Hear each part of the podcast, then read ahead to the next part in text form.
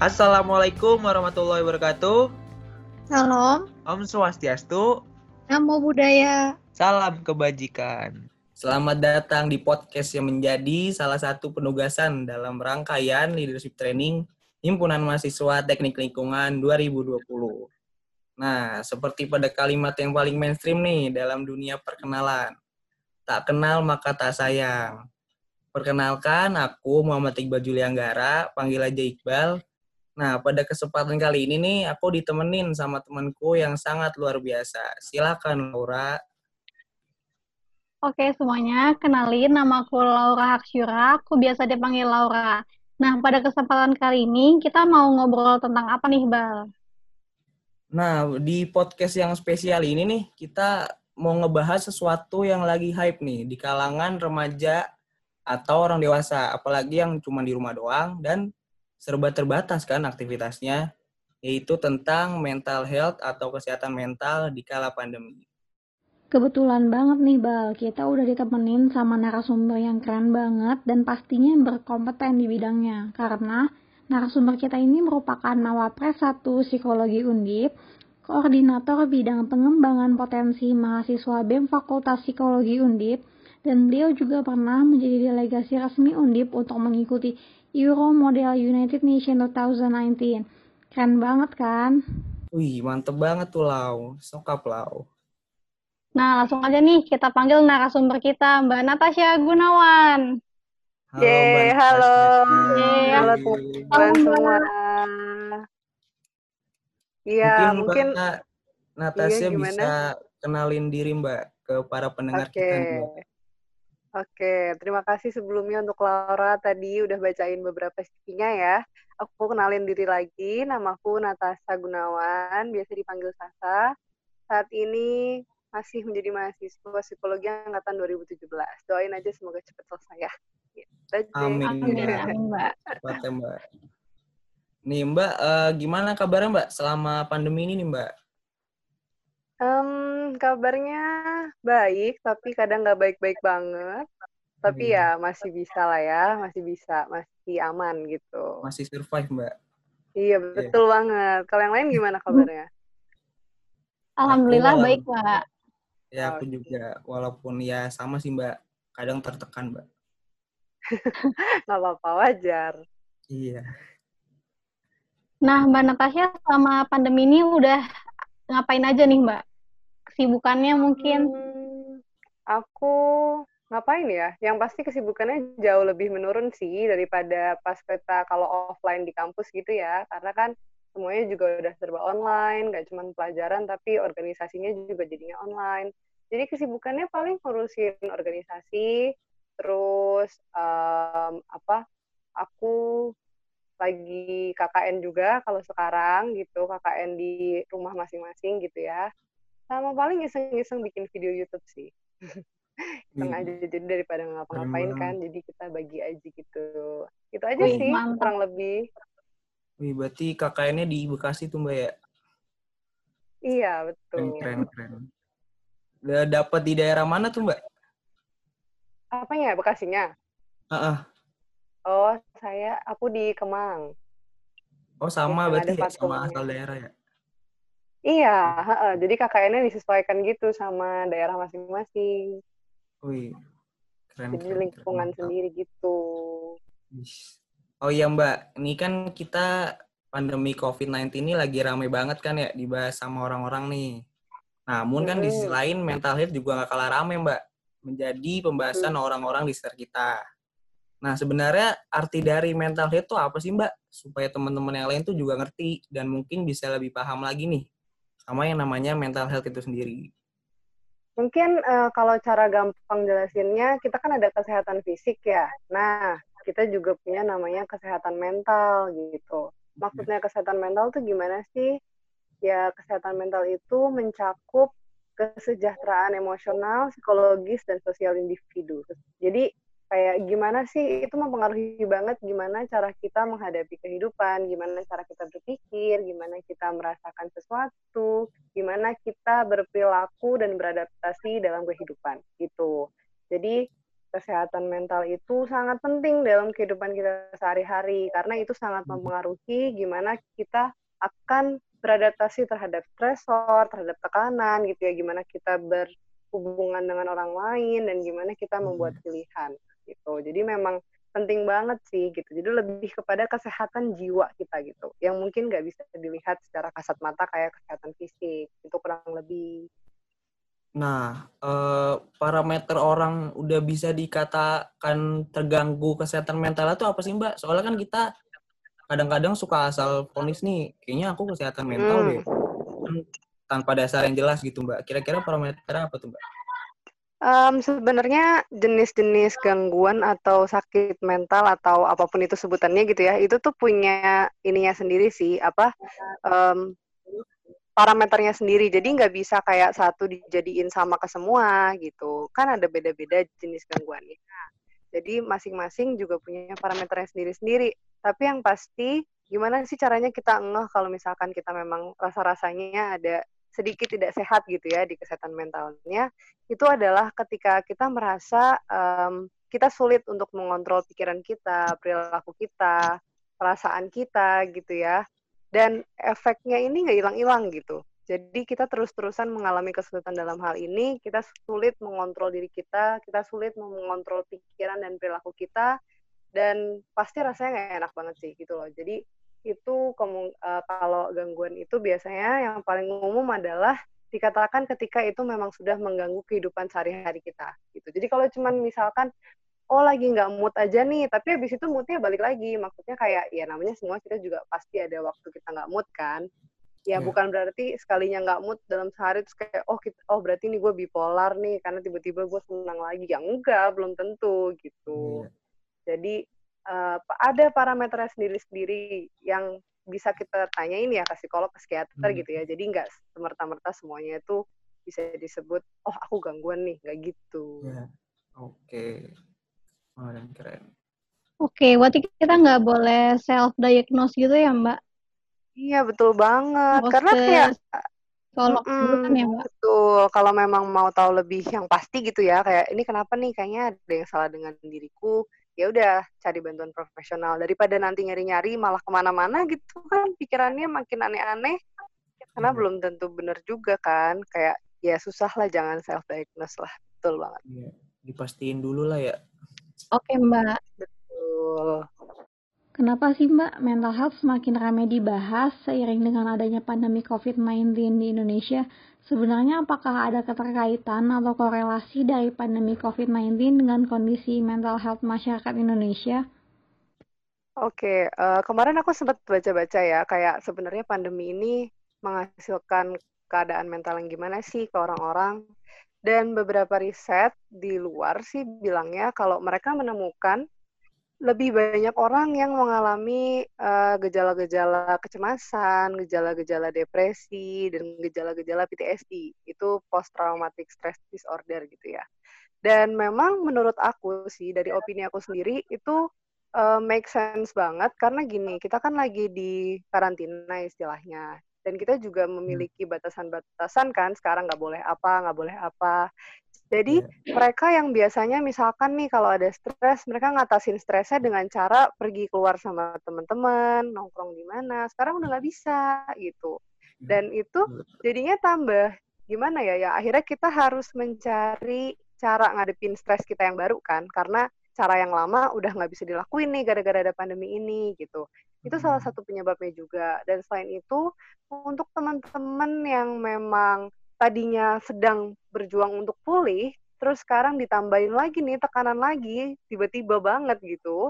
Dan mereka juga pasti ada hambatan dalam menemui psikolog atau psikiaternya, walaupun mungkin uh, dicari cara baru, tapi kan agak nggak sebebas dulu gitu ya. Intinya tantangannya itu bertambah. Mereka lagi memiliki tantangan untuk menyembuhkan dirinya, tapi tiba-tiba ada tantangan lagi yang sebesar ini. Tuh.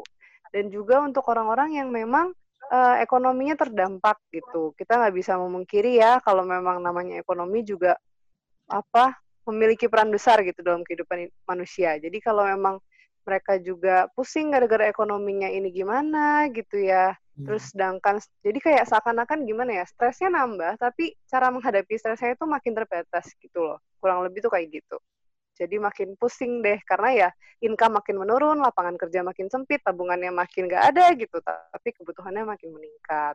Jadi ya pasti tekanan itu jauh lebih besar untuk saat ini. Jadi ngefek ke mental health-nya juga gitu. Hmm, jadi yang paling berpengaruh tuh sebenarnya perekonomian ya Mbak ya.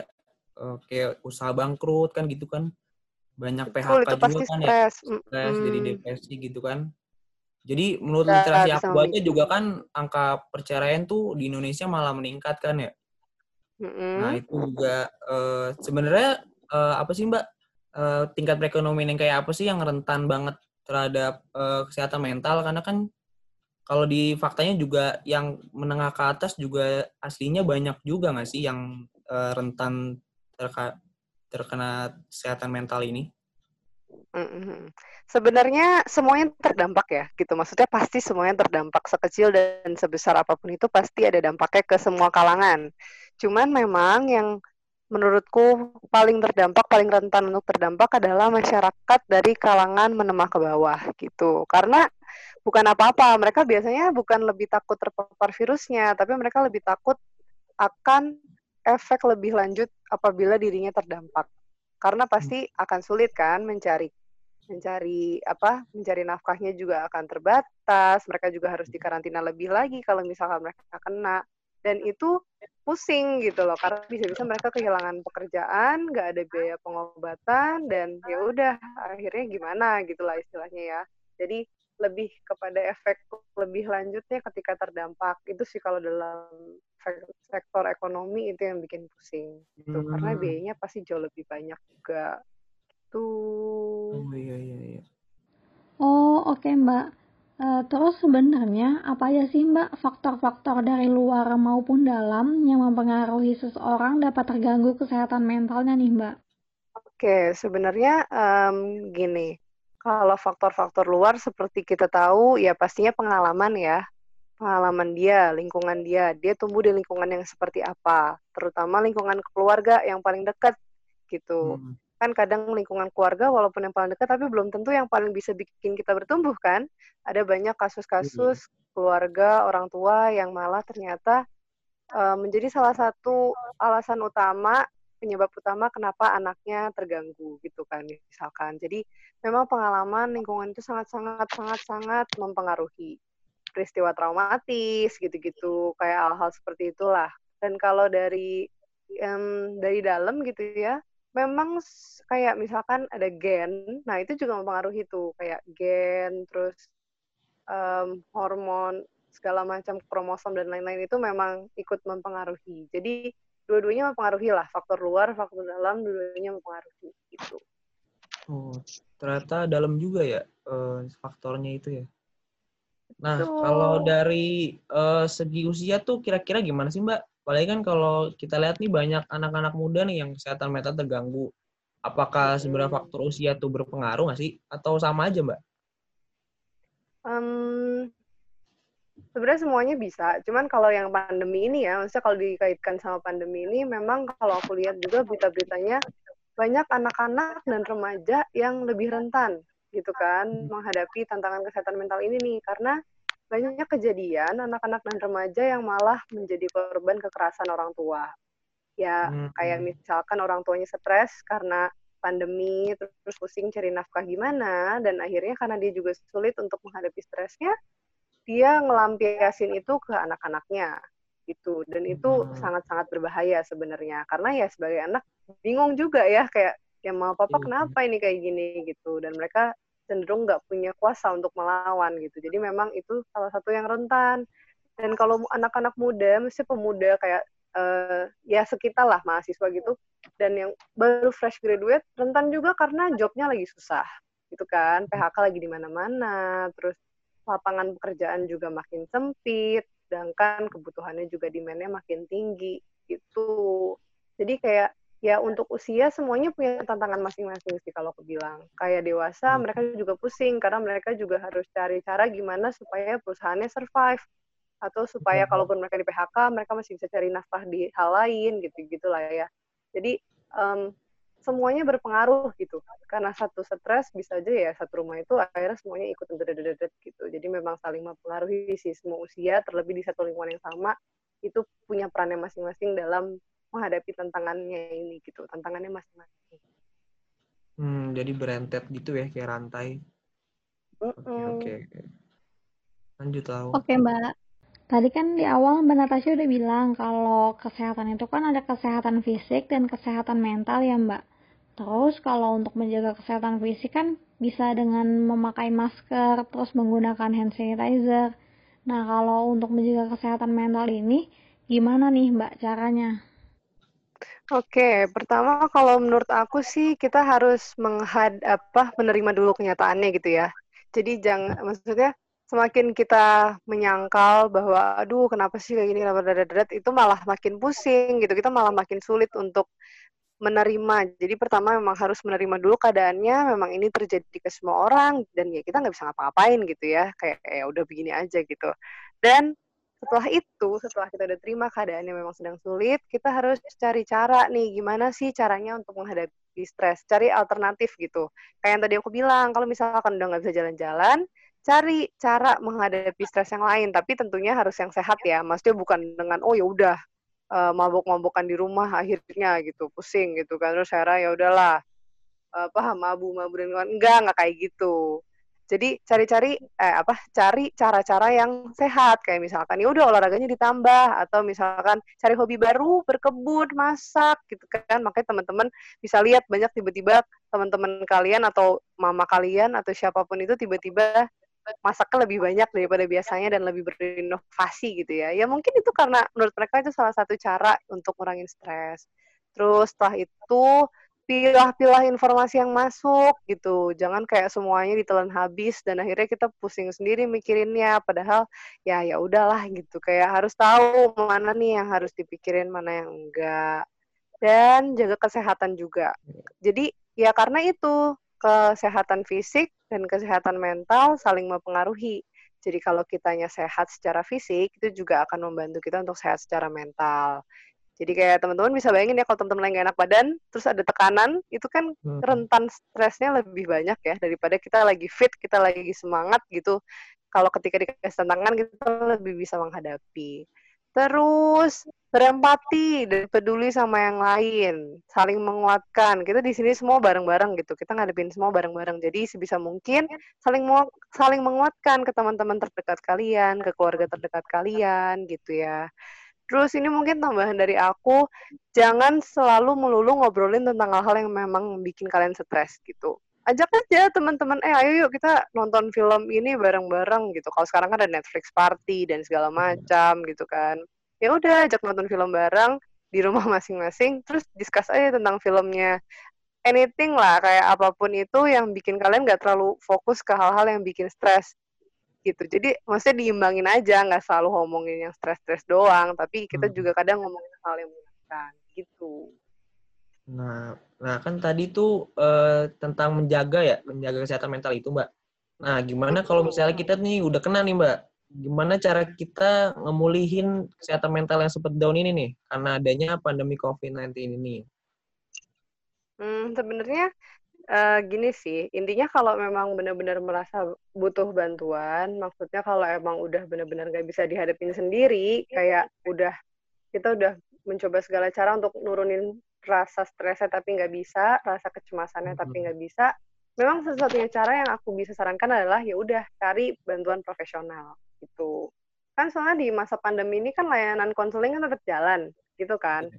Itu tetap berjalan, bahkan kayak dari HIMSI dan Ikatan Psikologi Indonesia atau apa gitu kalau nggak salah.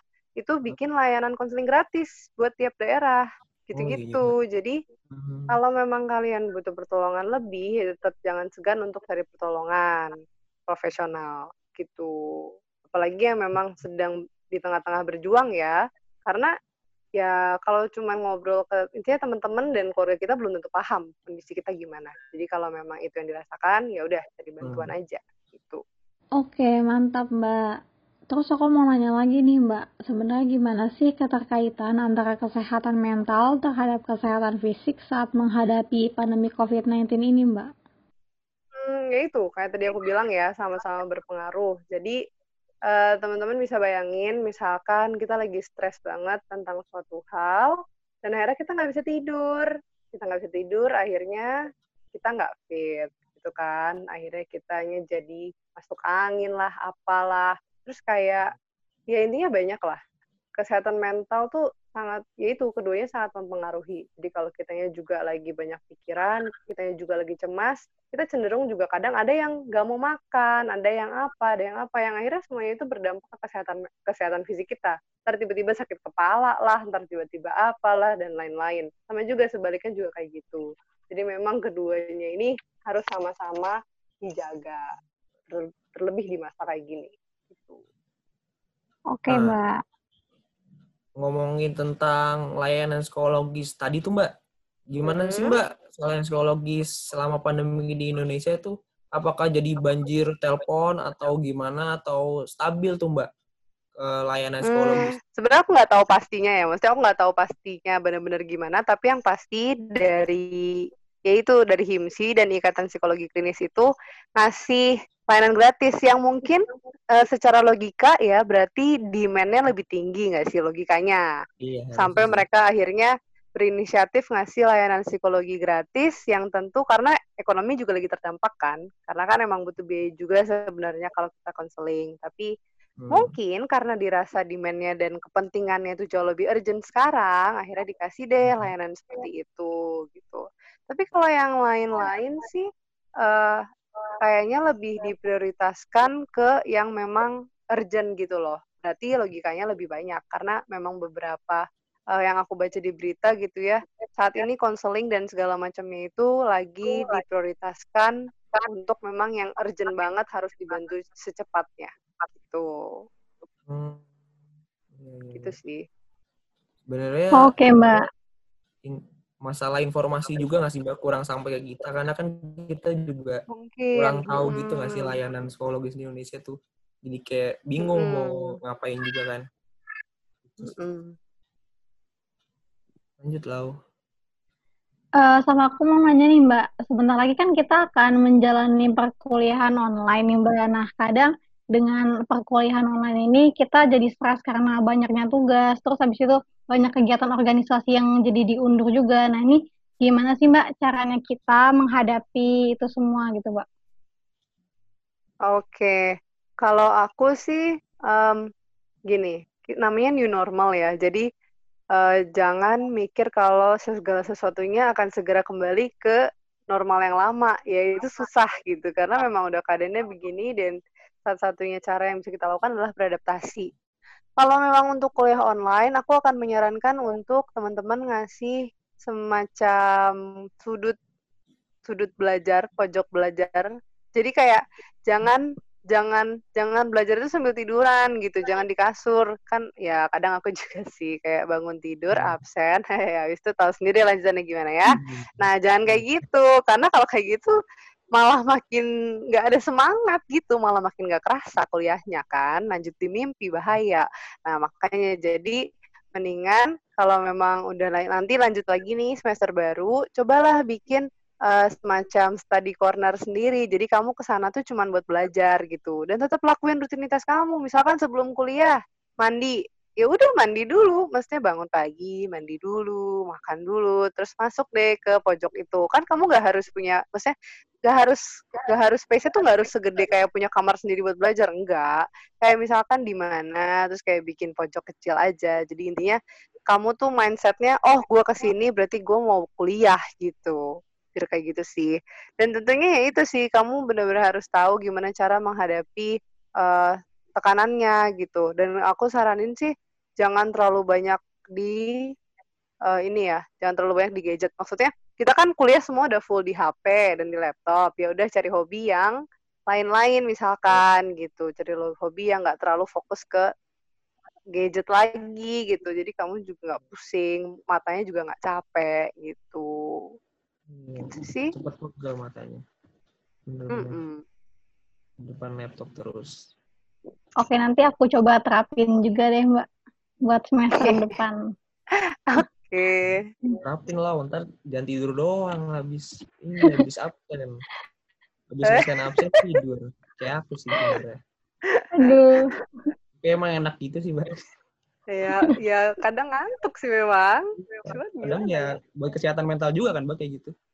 alah, alah, nggak gitu ya teman-teman ya. Sambung-sambungnya ke sana. Iya. Nah, udah di akhir nih, nggak kerasa nih, Mbak. Udah mau di penghujung podcast kita. Terakhir nih, Mbak. Hmm. Apa sih, Mbak, pesan Mbak untuk teman-teman di luar sana nih? Mengenai mental health, apalagi di pandemi kayak gini nih, Mbak. Oke, kalau sedikit pesan dari aku, intinya teman-teman semua, kalian semua nggak sendirian gitu ya. Kita semua menghadapi pandemi ini bareng-bareng. Walaupun memang semuanya punya jenis tantangannya masing-masing dan ketakutannya masing-masing, beda-beda gitu. Tapi kita semua menghadapinya. Dan we've made it this far gitu. Kita udah sampai sejauh ini, teman-teman udah hebat banget bisa bertahan sampai sejauh ini. Jadi yuk pelan-pelan kita melangkah lebih jauh lagi. Dah gitu aja. Wah, Semangat semuanya. Wah, makasih banget nih buat Mbak Natasha yang udah meluangkan waktunya untuk sharing-sharing sama kita tentang pentingnya mental health di tengah pandemi ini. Mungkin kita bisa ngobrol-ngobrol lagi di lain waktu. Eh, buat Mbak Natasha, semangat jalanin aktivitasnya, semangat juga KKN-nya, semoga segalanya dilancarkan sampai lulus nanti. Dan pastinya, eh, say health buat Mbak Natasha. Amin, amin. cepat lulus, Mbak. Amin. Rencananya gimana, Mbak? Abis lulus tuh, Mbak? Kalau boleh tahu, Mbak. Habis lulus pengen kerja sih. Oh, Ya, itulah kita Nah, lakukan yang terbaik aja ya. Oh, mantap, mantap. Mantap, Oh ya, jangan lupa ya teman-teman kalau butuh pertolongan jangan segan-segan mencari pertolongan. Itu penting banget soalnya. Kalau aku Oke, ke siap, Mbak, boleh Mbak. nggak, Mbak? Apa? Apa? Modus, modus. Minta Modus, pertolongan ke Mbak, Mbak, boleh modus. nggak? Waduh, kalau aku belum maksimal nanti salah iya, gitu. pertolongannya. Iya. Maksudnya ke layanan tadi tuh, Mbak. Lu Iqbal bisa aja, Iqbal. Nggak apa-apa. Nah, sukses terus deh intinya buat Mbak Natasha nih. Udah keren banget nih nyampein tadi tentang mental health. Dan makasih juga untuk eh, para pendengar yang udah setia dengerin kita nih sampai menit terakhir. Intinya makasih dan semoga podcast ini tuh bermanfaat buat kita semua dan dapat perspektif baru nih dalam hal kesehatan mental ya kan. Tadi udah dijelasin segala macem Nah, stay safe juga buat teman-teman. Ditahan dulu nih mungkin nongki-nongkinya. Kan tadi kita udah lama banget di rumah, kecewa kan ngelihat teman-teman nongkrong-nongkrong tuh. Apalagi di Bekasi. Aduh, Eh, iya. apalagi galaksi. Iya. Waduh. Demi, ah iya bener juga mbak. Ya rasa ya. Intinya tahan dulu deh demi kebaikan kita bersama. Nah, sampai jumpa teman-teman semua. Have a nice day. Ciao.